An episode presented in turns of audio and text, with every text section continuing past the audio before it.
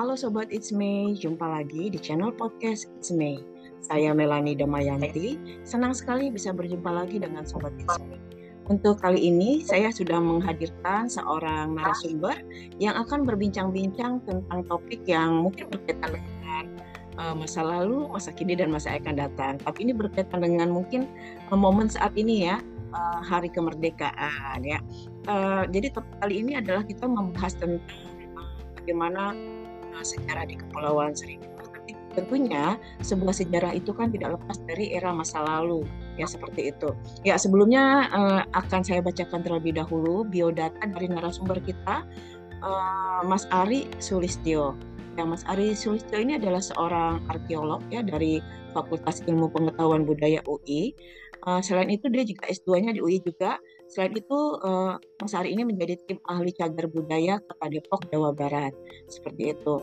Dan uh, beliau cukup banyak ya meneliti dan menulis buku riset-riset tentang yang berkaitan dengan budaya, sejarah dan sebagainya. Ya, uh, halo Mas Ari, apa kabar Mas?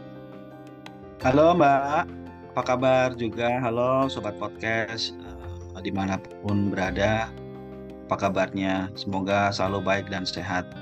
Ya Mbak. Ya, ya uh, Mas Ari, sebelumnya saya ucapkan salam Hari Kemerdekaan dan mumpung sekarang 17 Agustus ya, beruntung sekali iya, kita betul. bisa menyaksikan Indonesia di saat ini. Iya betul. Ya, uh, Mas Ari, Mas Ari ini kan seorang arkeolog ya Mas ya. Ya, jadi hmm. banyak peneliti tentang sejarah. Mungkin saya mau nanya dulu nih sebelum kita bincang-bincang pada inti uh, pembahasan kita, gimana sih sebenarnya ya. uh, manfaat kita mempelajari sejarah dengan mungkin kehikmatan kita memahami arti kemerdekaan itu, arti mungkin ya. perjuangan ya. dan sebagainya. Monggo Mas Ari. Ya uh, sebenarnya uh, terima kasih Mbak Mei. Uh, ini podcast saya yang kedua ya, yang awal yang sebelumnya tentang gudang-gudang ya, gudang-gudang uh, tua di Jakarta dan ini kali ini kita bahas soal Kepulauan Seribu. Jadi sebenarnya begini kemerdekaan kita merupakan kemerdekaan yang kita raih dan kita rebut ya. Jadi artinya bukan pemberian dari negara penjajah atau negara Belanda, tetapi adalah uh, perjuangan dari masyarakat Indonesia, para founding father kita yang melepas uh, diri dari uh, penjajahan dan uh, diskriminasi pada waktu itu. Dan Eh, pengakuan kedaulatan itu juga kemudian diperjuangkan tidak hanya kemerdekaan setelah dicapai tahun 1945 tapi juga pengakuan kedaulatan. Bahkan Belanda baru mengakui kedaulatan Indonesia itu baru satu tahun yang lalu ya kalau nggak salah atau beberapa waktu yang lalu dengan pernyataan Perdana Menteri Belanda mengakui kedaulatan Indonesia tahun 45 kalau Belanda sebenarnya mengakuinya tahun 49. Jadi sebenarnya eh, kita belajar sejarah eh, sebenarnya untuk mengenal jati diri kita sebenarnya. Kita ini adalah bangsa yang lahir dari eh, perjuangan, bukan bangsa yang kemudian lahir dari pemberian kemerdekaan atau pemberian status kebebasannya dari penjajah. Dan ini merupakan satu upaya kita untuk terus menggali, mencari jati diri, sekaligus juga eh, kenapa kita belajar sejarah itu ya tadi satu untuk menggali jati diri, untuk memahami memahami bahwa bangsa Indonesia merupakan bangsa yang eh, besar gitu ya, bangsa yang besar dan bangsa yang eh, benar beraneka ragam suku, budaya dan etnis gitu loh. Jadi uh, semua yang membentuk keindonesiaan ini merupakan akar dari budaya dan apa namanya cikal bakal dari keindonesiaan yang ada saat ini merupakan akar-akar budaya kebudayaan-budayaan daerah terus kemudian perjuangan-perjuangan dari daerah dan kemudian juga apa ya semangat semangat persatuan dan kesatuan itu kan lahir karena uh, persamaan dan apa namanya kebersamaan dan perasaan memiliki satu tanah air yang satu yaitu Indonesia gitu. Jadi belajar sejarah itu sebenarnya bukan hanya oh untuk pariwisata, untuk pendidikan, untuk uh, kebudayaan itu sendiri tapi juga merupakan jadi diri kita sebagai bangsa Indonesia dan kita harus bangga karena belum tentu bangsa lain memiliki sejarah yang panjang ya. Mbak Mei jadi bangsa-bangsa lain di dunia ini malah justru iri dengan Indonesia yang punya keanekaragaman suku budaya bahasa gitu ya dan hidup dalam negara kesatuan. Nah itu yang yang menjadi uh, pembeda kita dengan bangsa-bangsa yang lain. Mungkin itu Mbak Mei ya. soal sejarah. Jadi memang uh, sebenarnya masalah sejarah itu sebenarnya harus kita pelajari ya Mas Ari ya apalagi buat anak muda generasi muda yang mungkin saya aja yang nggak hidup di era zaman apa perjuangan. Tentunya kalau kita nggak belajar sejarah mana tahu ya. Apalagi generasi muda yang mungkin sudah ada bentangan jarak dan waktu yang lebih jauh. Nah mungkin satu satu lagi nih Mas Ari berkaitan dengan momentum kemerdekaan juga. Mas Ari kan juga banyak meneliti tentang heritage ya. Nah jadi uh, dari heritage itu Mas Ari kira-kira apa sih yang bisa kita dapat gitu Mas Ari? Pembelajaran-pembelajaran sejarah gimana Mas? Jadi dari sebenarnya heritage uh, ini harus dipahami ya. Jadi uh, beda antara warisan masa lalu atau warisan budaya dengan cagar budaya. Jadi ada dua hal yang berbeda. Kalau kita bicara warisan masa lalu atau warisan budaya, sebenarnya banyak di tengah-tengah kita pun hidup. Seperti kita uh, menggunakan batik misalnya, itu kan sebenarnya warisan budaya kan, warisan dari nenek moyang kita gitu ya. Jadi kita harus bangga itu. Jadi uh, bahkan batik sekarang di, sudah diakui sebagai World Heritage kan, jadi warisan budaya dunia bahkan bukan hanya Indonesia tapi milik dunia. Begitu juga dengan pakaian-pakaian uh, yang sudah menjadi uh, kebanggaan daerah-daerah masing-masing ya seperti di Jawa Barat, di di, di Betawi ada uh, baju pangsi atau celana pangsi dan segala macam dan itu merupakan satu kebanggaan gitu loh. Jadi kita belajar sejarah uh, warisan budaya itu sebenarnya sangat luas sekali. Uh, nah, yang lebih khusus lagi ada namanya cagar budaya. Cagar budaya ini lebih spesifik karena sifatnya kebendaan, benda. Jadi warisan yang kebendaannya ini, warisan kebendaannya ini yang perlu kita lestarikan. Bukan hanya untuk pariwisata, tapi juga untuk masa depan kan.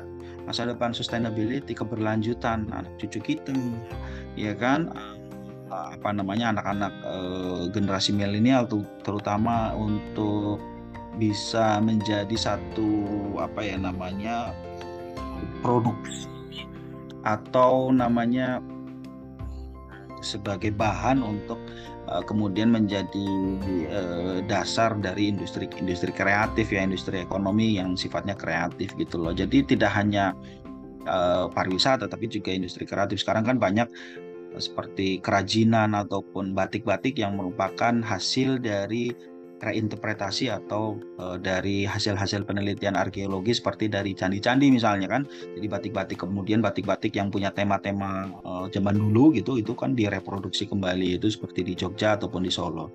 Terus kemudian kita juga melihat dari arsitektur bangunan misalnya arsitektur bangunan e, rumah joglo.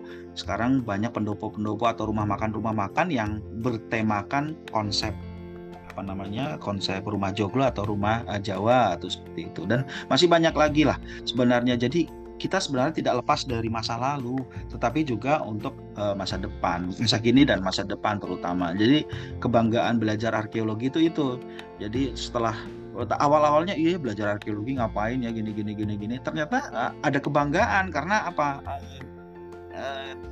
keahlian arkeologi ini ternyata dibutuhkan sekali di dunia modern. Karena kita bisa bisa bercerita yang orang lain tidak bisa bercerita gitu kan. Kita bisa menulis yang orang lain tidak bisa menulis bidang bidang sejarah gitu kan. Terus kemudian kalau kita meminati bidang seperti adventurer gitu kan kita kan pasti uh, paham sekali atau pasti dilatih untuk bisa uh, menjadi seorang adventurer gitu ya. Jadi banyaklah hal-hal yang sebenarnya bisa kita gali dari ilmu arkeologi yang paling yang paling apa namanya yang paling banyak saat ini sebenarnya adalah uh, penulisan-penulisan konten-konten ataupun media sosial yang berbasis pada uh, warisan budaya ya. Uh, seperti tempat-tempat yang bersejarah terus kemudian ditata yang ditata menjadi tempat taman arkeologi atau taman wisata. Seorang bisa selfie bisa bisa bercerita bahwa uh, dia ada di mana dan segala macam sebenarnya itu bagian dari eksistensi kita uh, terhadap masa lalu gitu itu sih Jadi uh, banyak deh kalau diceritain apalagi sekarang museum-museum juga banyak kan uh, dengan program-program pendidikan, dengan program-program kesejarahannya gitu ya. Jadi banyak sekali bisa kita gali dari ilmu arkeologi gitu Mbak. Satu lagi nih Mas tentang sejarah dan kemerdekaan. Nah, anak muda sekarang kan ini ya Mas ya kayaknya interest dengan pelajaran sejarah itu kurang itu ya, kurang apa? Kurang besar minatnya uh, mungkin kita juga bisa lihat konten-konten di media sosial yang mungkin mayoritas tuh lebih ke arah hiburan kan.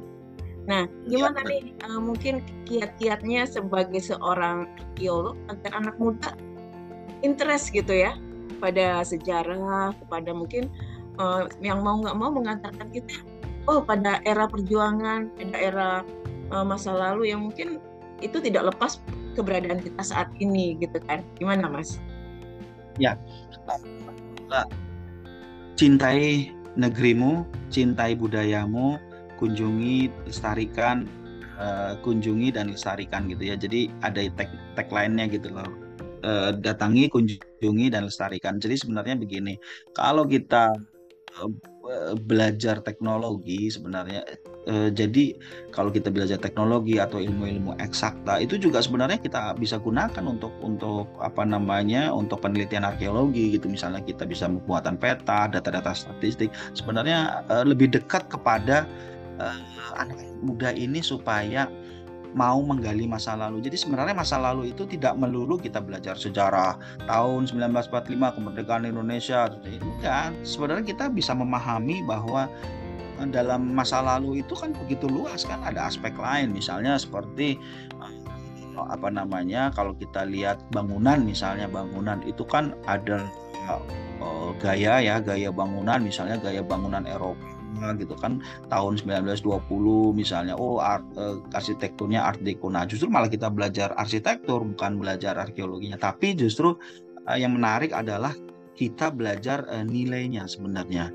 Bukan hanya cerita sejarahnya tapi nilainya. Nah nilainya ini yang sebenarnya harus di eh, teman-teman apa ya eh, teman-teman teman-teman senangi gitu ya nilai-nilai perjuangan terus kemudian nilai-nilai kenapa sih kita harus uh, kenapa sih Borobudur? gitu kan misalnya. Contoh lah seperti itu. Kenapa Borobudur? Ternyata zaman dulu Borobudur itu dibangun di satu tempat yang uh, luasnya sekitar 8 hektar tetapi dibangun menggunakan teknologi yang pada masa itu nggak ada istilah teodolit kita baru tahu tuh ya, setelah era modern kan teodolit itu alat ukur gitu ya untuk membangun satu bangunan tuh untuk membangun satu jalan kawasan itu biasanya pakai teodolit gitu ya. Jadi seperti itu. Jadi zaman dulu orang belum pakai teodolit ini gimana caranya gitu kan? Membangun bangunan seluas 8 hektar gitu kan. Jadi e, bisa dibayangkan gitu.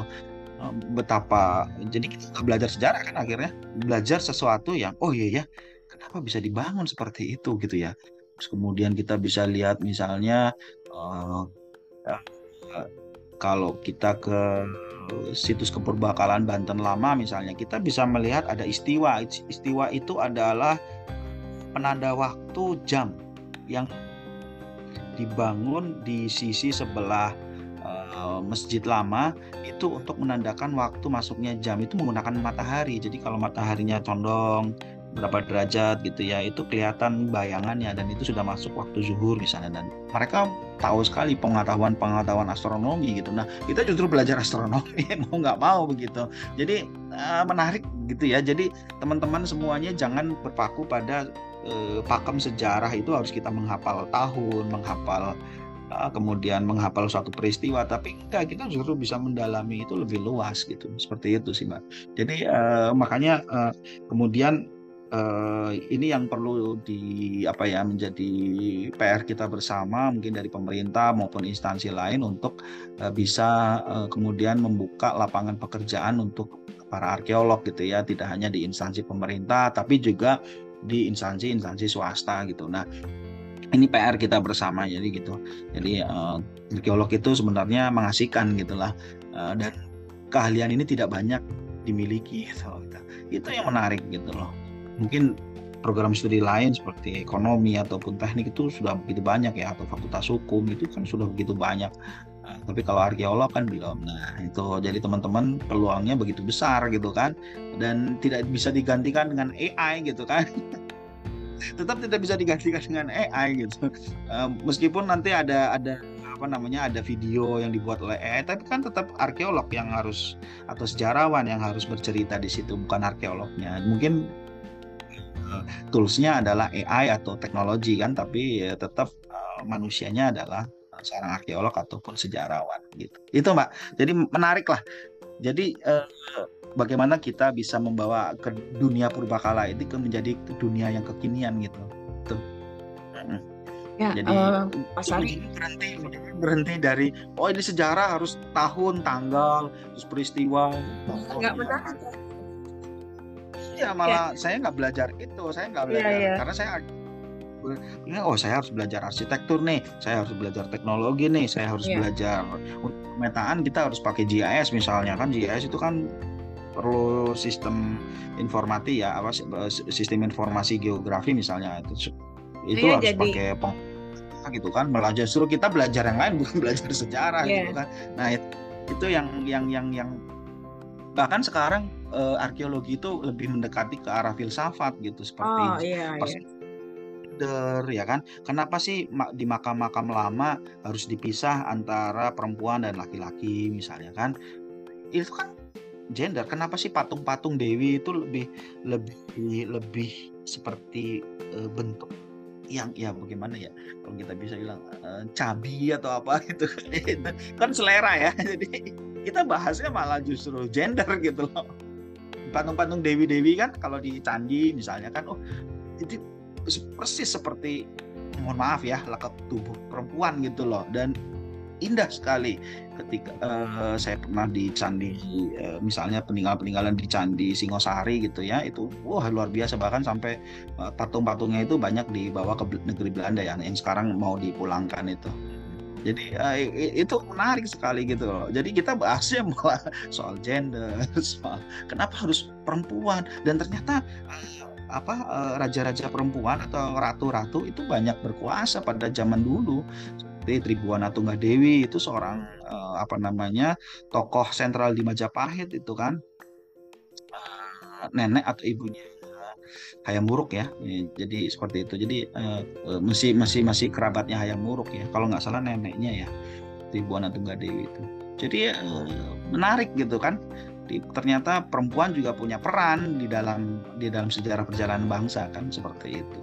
Jadi ya. malah sekarang agak gender, etnis, misalnya kita bahas etnis juga seperti itu. Kenapa sih etnis Sunda ini tidak punya candi kan? Beda sama etnis Jawa yang banyak candinya. Itu kan persoalan hal-hal seperti itu. Oh ya, kenapa tuh Mas? Jadi, jadi penasaran kenapa etnis Sunda um, mungkin ya suku Sunda ya nggak punya candi punya konsep namanya kabuyutan. Kabuyutan itu meng, me, menganggap bahwa dewa lokal, dewa setempat itu lebih tinggi statusnya dibanding dewa-dewa Hindu, Siwa, Brahma, Wisnu gitu kan.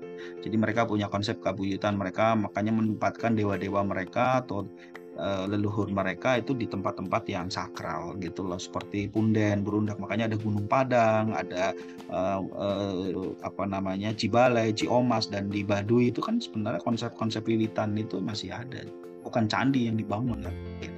dan beda dengan Jawa Tengah yang mengadopsi India gitu ya pengaruh-pengaruh India seperti itu. Nah gitu kan kita bahas soal konsep lokal kan etnisitas gitu kan antara Jawa sama Sunda seperti itu. Ya, Jadi uh, malah ya. kita, kita bicara yang bicara ke arah filsafat kan, filsafat religi ya.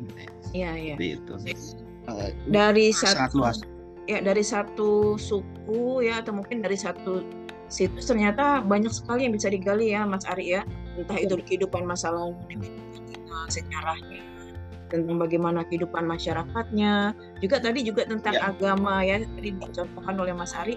Ternyata uh, kenapa asal mulanya uh, di orang uh, di Sunda itu tidak ada yang namanya andi ya seperti itu. Iya, nah, ya, Mas Ari nah, ini lagi meneliti tentang ini ya tentang uh, mungkin uh, Kepulauan Seribu ya. Mungkin bisa sharing kepada sobat Isme tentang uh, apa sih yang Mas Ari dapat berkaitan dengan masa lalu yang tergambarkan di Kepulauan Seribu dengan era yang saat ini yang sudah di era merdeka. Gimana nih Mas Ari?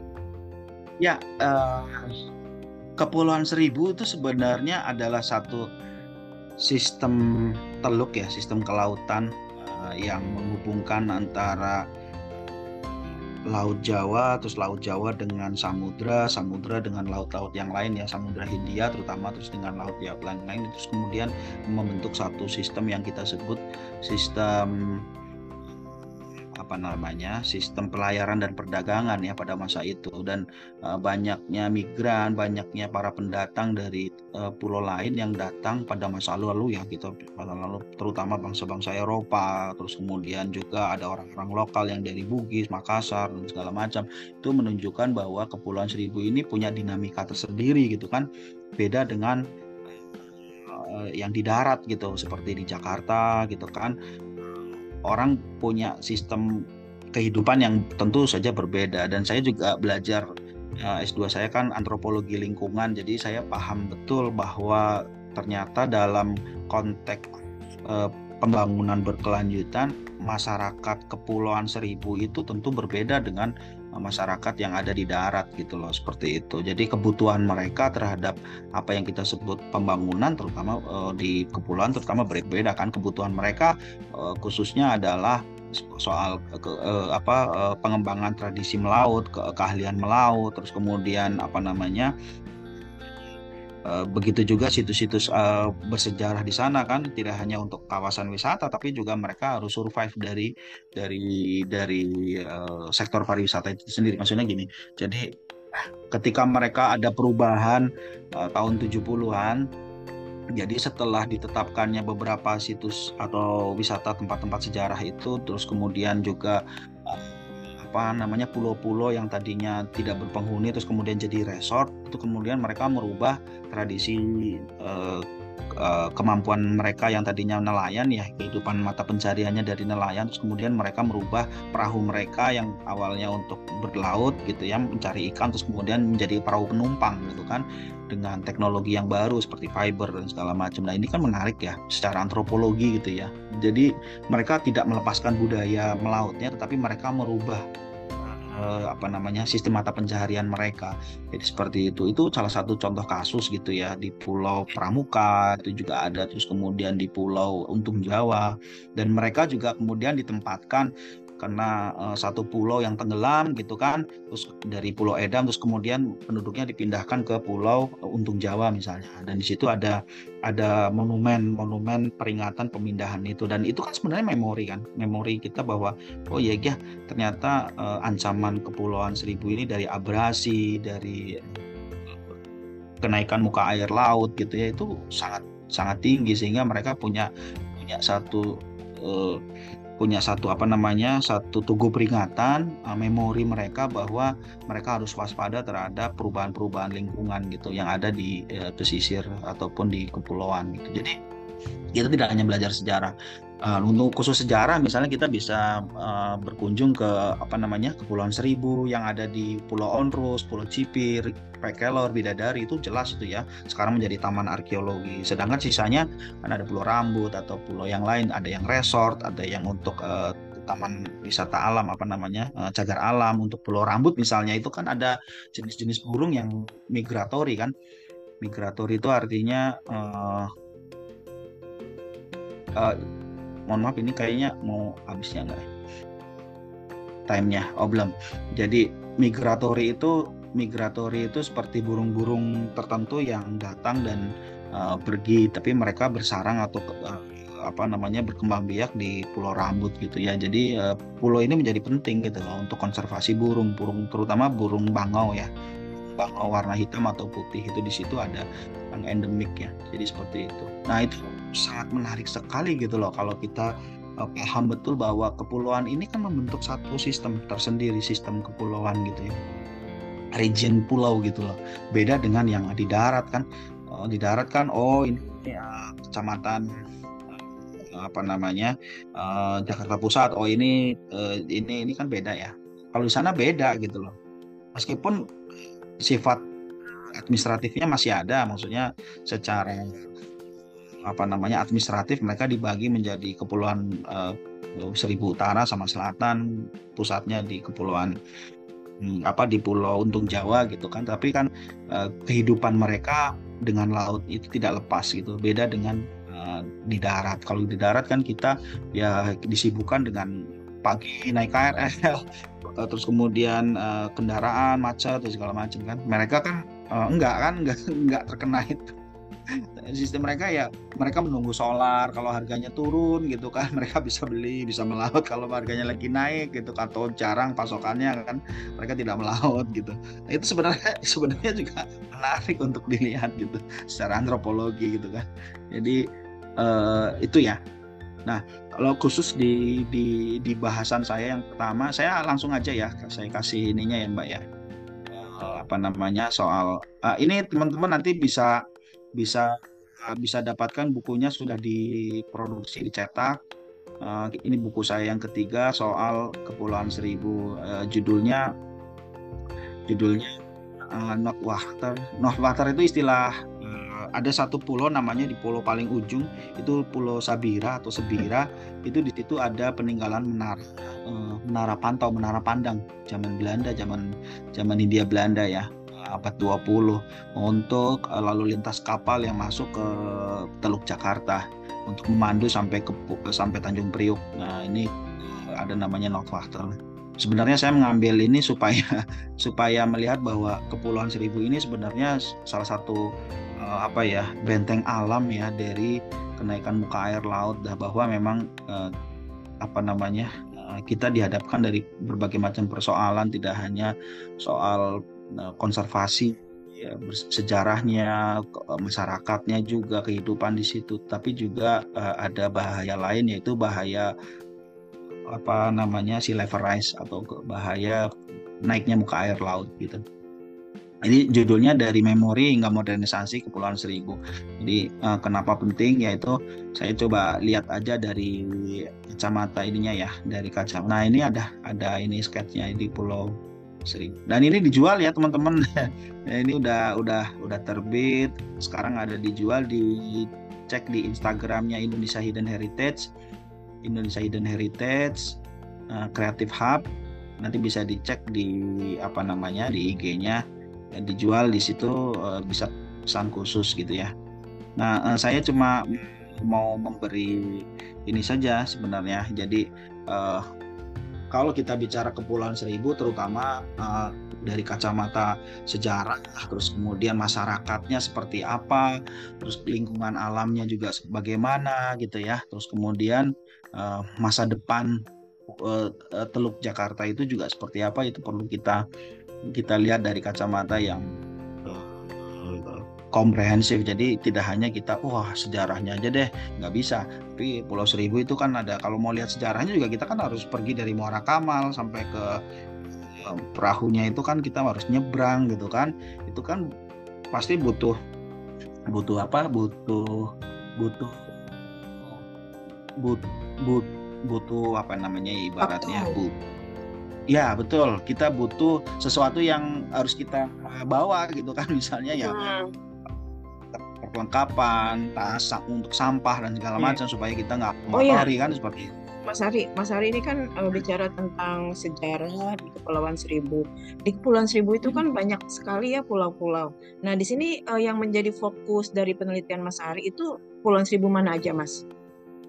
Jadi di sini hampir semua mayoritas ya, tetapi yang paling paling banyak adalah kepulauan uh, gugus Pulau Onrus, gugusan Pulau Onrus, Cipir, Kelor, Onrus, Cipir, Kelor, terus kemudian ada uh, Kepulauan Pramuka, Pulau Pramuka, Pulau Rambut ya. Terus kemudian ada beberapa pulau lain seperti Pulau Untung Jawa karena di sana pusat uh, kecamatan, terus kemudian pusat pemerintahan juga dan uh, termasuk pulau yang terpadat ya. Jadi Kepulauan Seribu, Pulau Seribu kan sebenarnya terdiri dari 140-an pulau ya kalau tidak salah. Uh, saya nggak ngambil semua tetapi yang saya angkat sebenarnya isu-isu utama seperti ada isu kesejarahan dan pelestarian gitu kan. Terus kemudian isu-isu sosial gitu kan modernisasi orang pulau. Itu kapan sih mereka mulai mulai mengenal apa namanya uh, alat tangkap yang modern gitu kan? Terus ada juga mungkin sedekah laut yang hilang gitu kan. Karena kan sempat sempat ada kontroversi di situ kalau mereka apa namanya uh, melakukan sedekah laut itu dianggap musyrik gitu kan dan bagaimana mereka menghadapi perubahan-perubahan sosial juga gitu kan. Terus kemudian perahu-perahu tradisional mereka kan juga berubah ya.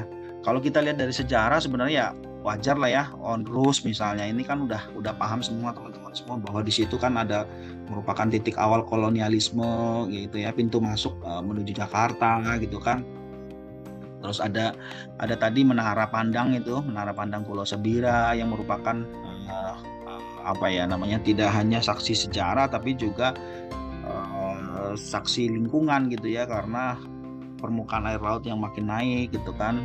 Terus kemudian uh, ada juga makam-makam keramat gitu ya makam-makam keramat. Makam-makam keramat ini dimaknai oleh masyarakat modern sebagai tempat wisata ziarah gitu Ya, ziarah gitu mereka. Mas Ari, ini kan dari banyak pulau uh, apa pulau-pulau di Kepulauan Seribu ya. Kira-kira uh, mana tuh uh, mungkin bangunannya yang masih kayaknya terjaga ya. Nah, dan juga peninggalan-peninggalan uh, sejarah entah itu mungkin tadi ya kohesi sosialnya yang mungkin uh, masih ada sampai sekarang. Hmm. Jadi kalau kita bicara sejarah ada di Pulau Onrus itu masih terjaga. Di situ ada sisa-sisa uh, asrama haji. Tapi ke tahun 60-an itu dibongkar ya karena ada penjarahan dari warga masyarakat pesisir pada waktu itu. Karena tahun itu belum dilindungi. Setelah 60-an baru Pak Ali Sadikin uh, mengeluarkan SK gubernur bahwa pulau-pulau uh, gugus pulau seribu ini kemudian dilindungi gitu kan pulau Onro, Cipir, Kelor, Bidadari. Nah, saya cerita di sini soal dekolonis dekolonisasi. Jadi bagaimana kita kemudian apa ya melunturkan pengaruh kolonialnya gitu. Ini jangan terlalu kolonial deh gitu sebenarnya ini kan politik juga kan dalam dalam nah makanya tadi kita belajar sejarah bukan hanya belajar tadi peristiwa atau apa tapi bagaimana peninggalan kolonial itu menjadi bagian dari sejarah Indonesia gitu kan itu namanya dekolonisasi jadi bagian dari sejarah Indonesia karena apa kita melihat Pulau Onrus, Cipir, Kelor, Bidadari itu kan sebenarnya sebagai titik awal dari kolonialisme sebelum mereka mendarat di Jakarta. Orang kan nggak tahu kan. Jadi pulau-pulau ini menarik gitu loh. Bukan hanya peninggalan kolonialnya, tapi bagaimana kita bercerita dari sisi sejarah bangsa Indonesia gitu bukan sejarah kolonialnya gitu kan. Nah, seperti itu. Jadi eh, itu yang menariknya ya. Terus kemudian ada Martelo nih. Martelo juga terancam juga nih uh, di Pulau Kelor. Pulau Kelor itu berdekatan dengan Pulau Onrus, Cipir, Bidadari yang punya Ancol. Nah, ini ada benteng yang dibangun uh, Belanda untuk menahan serangan Portugis. Nah, sekarang terancam yang tadinya 5 hektar sekarang jadi setengah hektar karena abrasi gitu kan. Bagaimana strategi pelestariannya saya ceritakan juga di sini kan. Jadi uh, begitu uh, uh, karena martelo ini ada ada martelo martelo yang uh, sebentar saya cari ya. Nah, jadi uh, ini yang Oke, kelihatan ya? Halo? Udah, udah Mas. Ini udah saya rekam nih. Udah, udah kelihatan. Okay. Silakan. Udah kelihatan ya martelonya? Nah, ini ini contoh martelo ya teman-teman ya. Jadi pulaunya udah nggak ada sebenarnya ini beton semua untuk pelestarian nih. Jadi tinggal satu-satunya mana tadinya ada empat ini di Pulau Kelor, Onro, Cipir, dari yang yang tersisa cuma ini. Ini pun bagian dalamnya tadinya ada bagian luar. Kalau kita bicara arkeologi ini menarik sekali kan sebagai pulau-pulau yang saksi sejarah benteng bundar. Di dunia ini ada dua yang masih tersisa. Ada di Pulau Korsika dan uh, sebagian sudah digunakan lagi. Udah banyak yang hancur ya. Di Pulau Korsika di Laut Tengah itu uh, masih ada seperti ini. Jadi nggak banyak yang tersisa di dunia. Ini arsitekturnya beda lagi nih. Mau punya hmm, apa namanya orang Italia ya. Hmm, jadi itu ya seperti itu ya. Jadi contoh ini misalnya benteng-benteng seperti ini, ini kan perusahaan sejarah kan kita bicara sejarah misalnya. Terus kemudian kalau kita bicara apa namanya bicara bicara soal e, masyarakatnya misalnya kan masyarakatnya tentang orang pulau sendiri sebenarnya mereka punya sebutan menyebut diri mereka sebagai orang pulau kalau kita jadi orang pulau menyebut orang darat ya orang eh, apa orang yang tinggal di Jakarta itu adalah orang darat gitu loh. Nah ini ini menarik ini karena mereka punya satu sistem sistem value yang mereka anggap sebagai apa uh, tradisi ya tradisi lisan yang turun temurun gitu loh. Bahkan sekarang uh, apa namanya mereka justru lebih lebih lebih banyak disebut sebagai uh, kalau sekarang orang Betawi pesisir, tapi ternyata setelah kita tahu mereka kebanyakan justru dari dari Maluku, eh, dari Sulawesi, dari Makassar, dari Mandar gitu ya. Jadi uh, ada semacam uh, penyebut apa istilah yang kemudian di bukan di politik politisasi ya, tapi istilah yang kemudian kebablasan bukan kebablasan apa sih yang kurang dipahami gitu ya jadi kurang dipahami bahwa mereka memang sih ada orang Betawi tapi tidak tidak tidak tidak menjadi mayoritas sebenarnya. Kalau mereka lebih banyak ya orang-orang yang dari Jawa, kemudian apa namanya dari Sulawesi gitu ya. Jadi justru orang Betawi ini malah lebih banyak tinggal di Bekasi, tinggal di pinggiran gitu ya. Tangerang gitu. Mungkin ada sebagian yang ada di pulau tapi nggak begitu banyak ya. Tradisi tradisi orang-orang justru orang kayak orang Melayu mereka.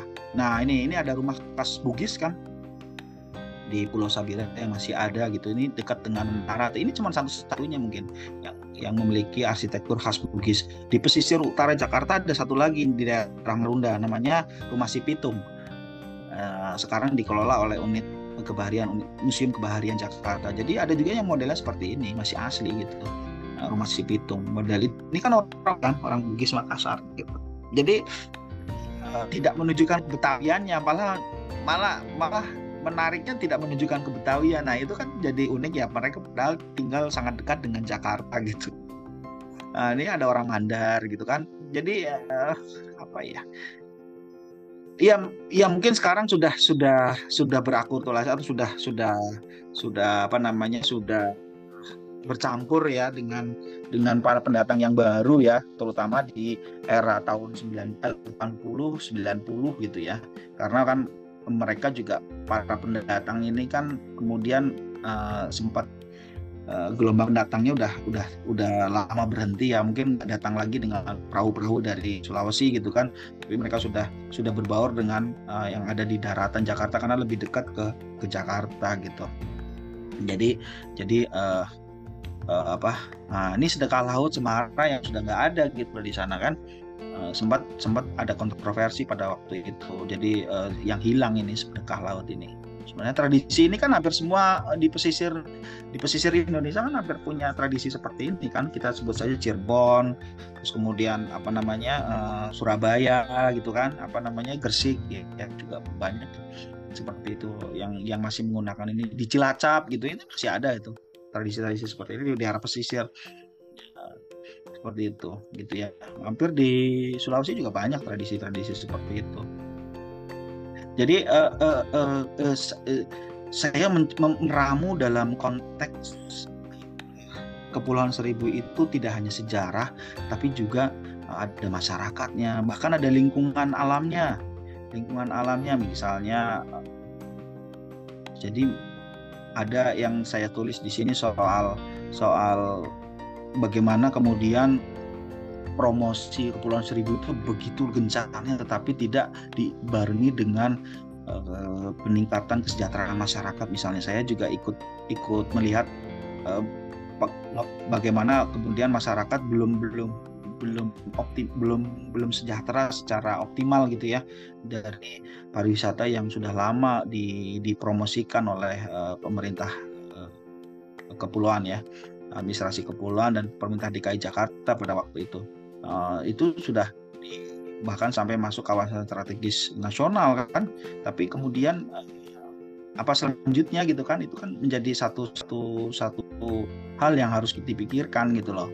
Jadi meskipun ada destinasi makanya di di pulau itu ada destinasi-destinasi untuk spot apa diving ya spot diving terus kemudian ada resort gitu itu tapi kan kemudian masyarakatnya seolah-olah ada jarak kan masyarakatnya. Meskipun sekarang juga perkembangan cottage atau perkembangan rumah rumah tinggal sementara atau rumah sewa gitu itu juga begitu begitu pesat di sana. Tetapi kan kemudian uh, dengan masuknya investor Nah, mereka kalah gitu kan. Terus kemudian masuknya pendana-pendana dari dari luar gitu kan. Seharusnya kan itu dibatasi ya. Artinya tetap masyarakat dibina gitu kan. Bisa lebih produktif. Nah, ini contoh misalnya uh, sekarang kan bahkan sekarang ini daerah Muara Kamal untuk penyeberangan ke Pulau Onrus atau Cipibidari itu udah bukan kapal kapal nelayan lagi tapi justru kapal penumpang ya dan mereka mereka Eh, kemudian belajar gitu ya tentang safety gitu ya merubah yang tadinya ini kan uh, untuk alat-alat nelayan atau uh, bukan untuk tempat duduk gitu ya itu kan sekarang dirubah nih. Cuman sekarang uh, safety itu juga jadi isu-isu yang unik ya isu-isu yang karena mereka tidak mereka belum belum begitu ini dengan safety gitu ya kurang kurang apa namanya kurang kurang peduli ya. Uh, mungkin uh, dengan dengan adanya bantuan dari pemerintah ataupun dari instansi lain mereka bisa bisa menunjukkan uh, apa namanya uh, safety itu sebagai karena penyeberangan itu kan sekarang cuma ada di Tanjung Priok terus kemudian Batavia Marina di Sunda Kelapa dan di beberapa tempat seperti Muara Kamal kan masih tradisional ya, ya maksudnya yang nelayan gitu ya Muara Kamal, Muara Angke gitu kan, justru di sini lebih banyak gitu loh masyarakatnya yang yang tadinya nelayan terus kemudian merubah eh, apa merubah mata pencarian mereka menjadi eh, para gaet. Jadi selain gaet juga mereka apa namanya mengoperasikan eh, perahu mereka untuk penyeberangan gitu. Jadi ada hal yang menarik sebenarnya kalau kita baca bukunya apa uh, Capra seorang filosof uh, Fritjof Capra itu bahwa uh, kerusakan lingkungan sebenarnya karena masyarakat itu tidak melek secara ekologis ya atau ekologikal literasi jadi mereka menganggap lingkungan adalah sumber daya gitu loh jadi Nah, ini menarik ya karena dasar filosofinya adalah materialisme gitu. Jadi masyarakat itu sangat tergantung dengan lingkungan. Lingkungan itu sebagai sumber sumber daya ekonomi bukan bukan kemudian menjadi bagian dari kehidupannya sehingga perlu dilestarikan. Nah, itu juga menjadi catatan bagi bagi apa masyarakat, pemerintah gitu ya, terutama uh, bahwa melek ekologis juga itu penting. Terus kemudian adaptasi adaptasi mereka terhadap perubahan. Sementara mereka sudah bertahan ratusan tahun kan dengan dengan kehidupan mereka di teluk mereka pendatang dari masa lalu gitu kan dan saksi sejarah juga gitu kan dan kemudian mereka bertransformasi beradaptasi dan bertransformasi menjadi nelayan-nelayan pengantar. Sekarang nelayan-nelayan yang asli pun sangat jarang ditemui mungkin ya.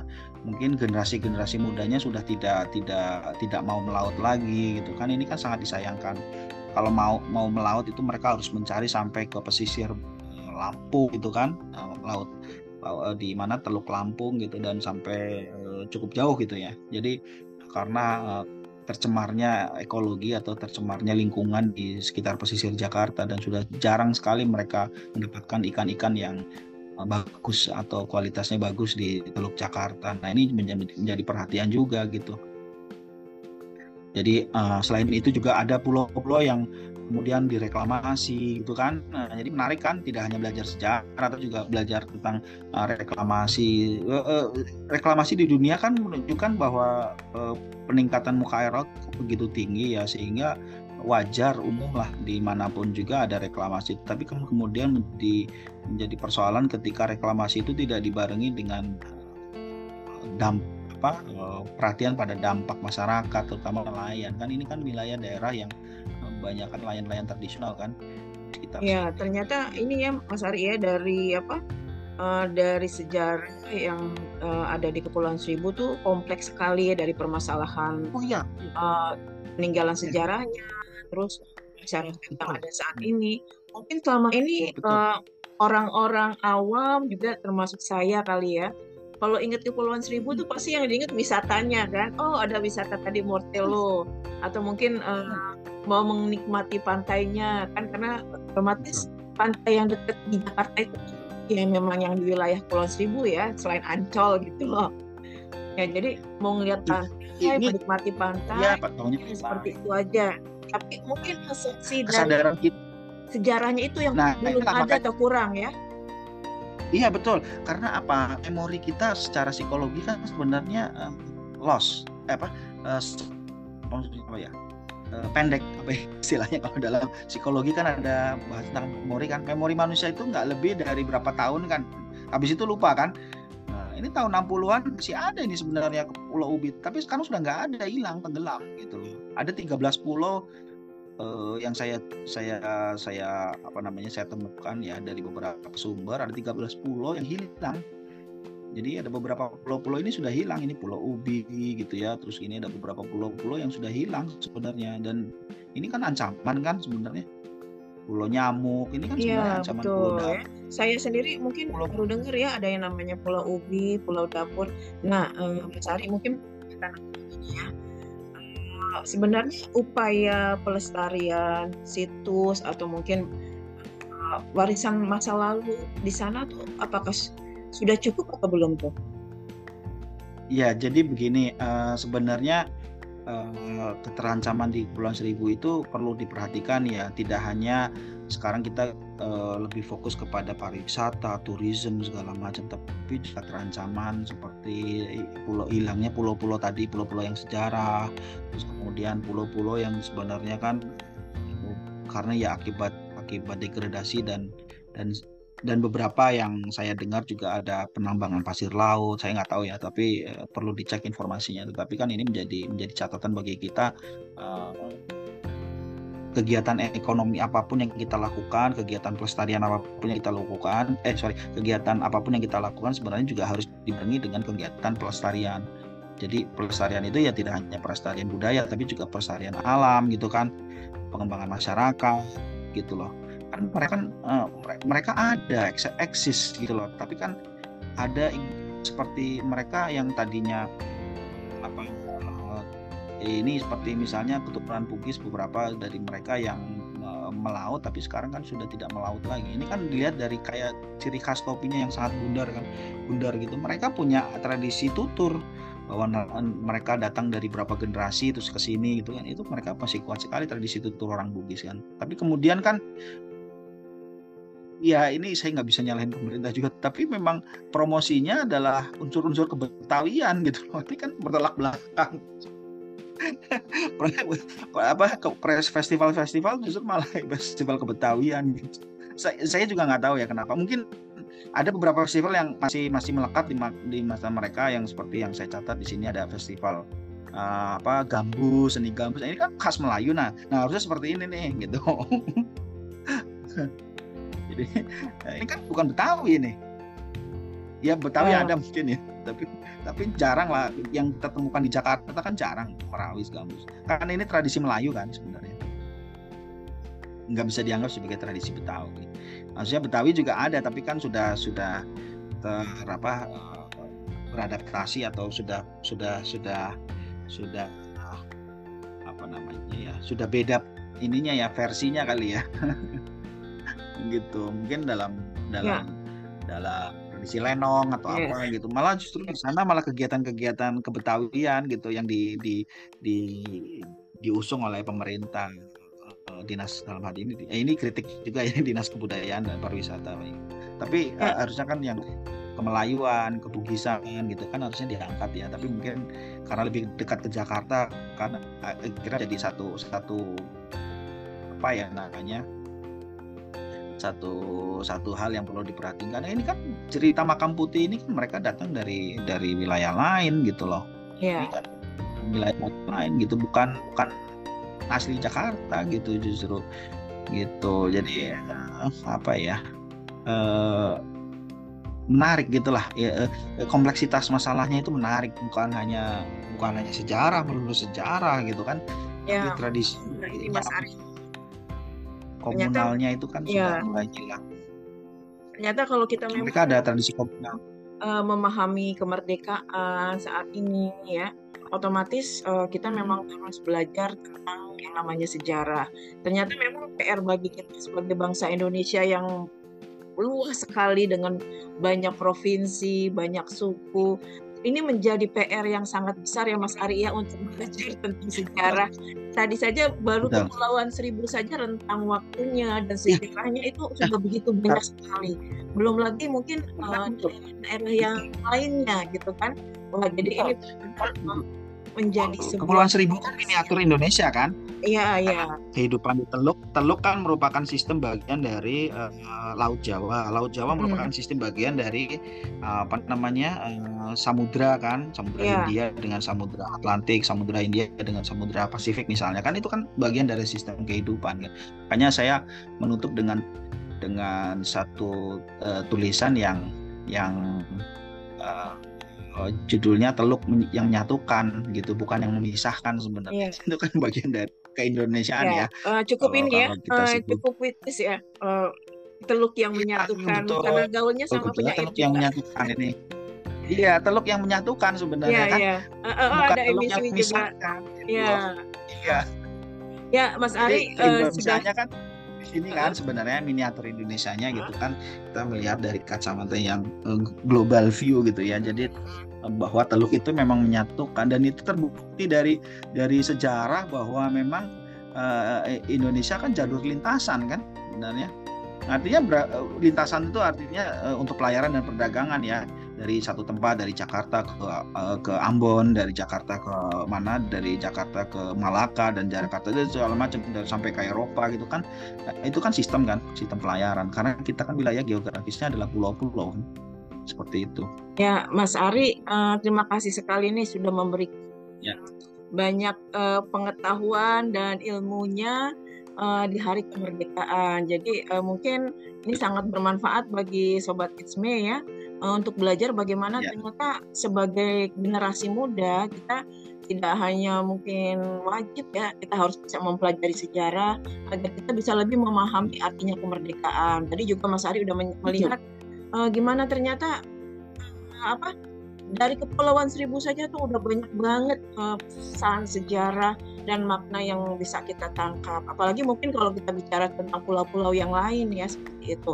Nah, Mas Ari, Betul, menurut bincang-bincang kita kali ini mungkin ada sepatah dua patah kata yang berkaitan dengan sejarah kemerdekaan untuk Sobat Isme. Silakan Mas Ari.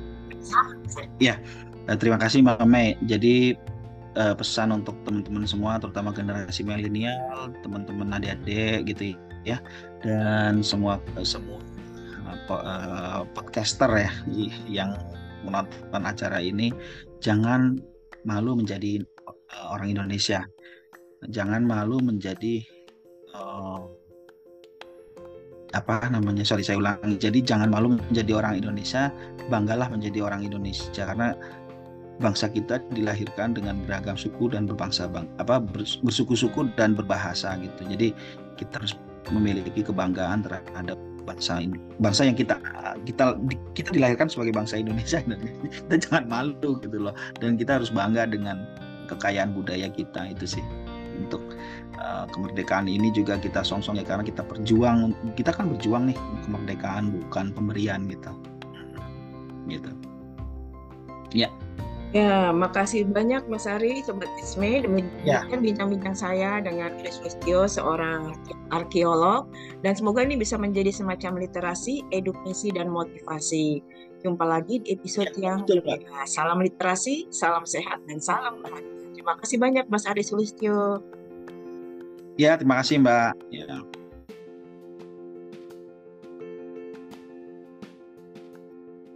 Oke boleh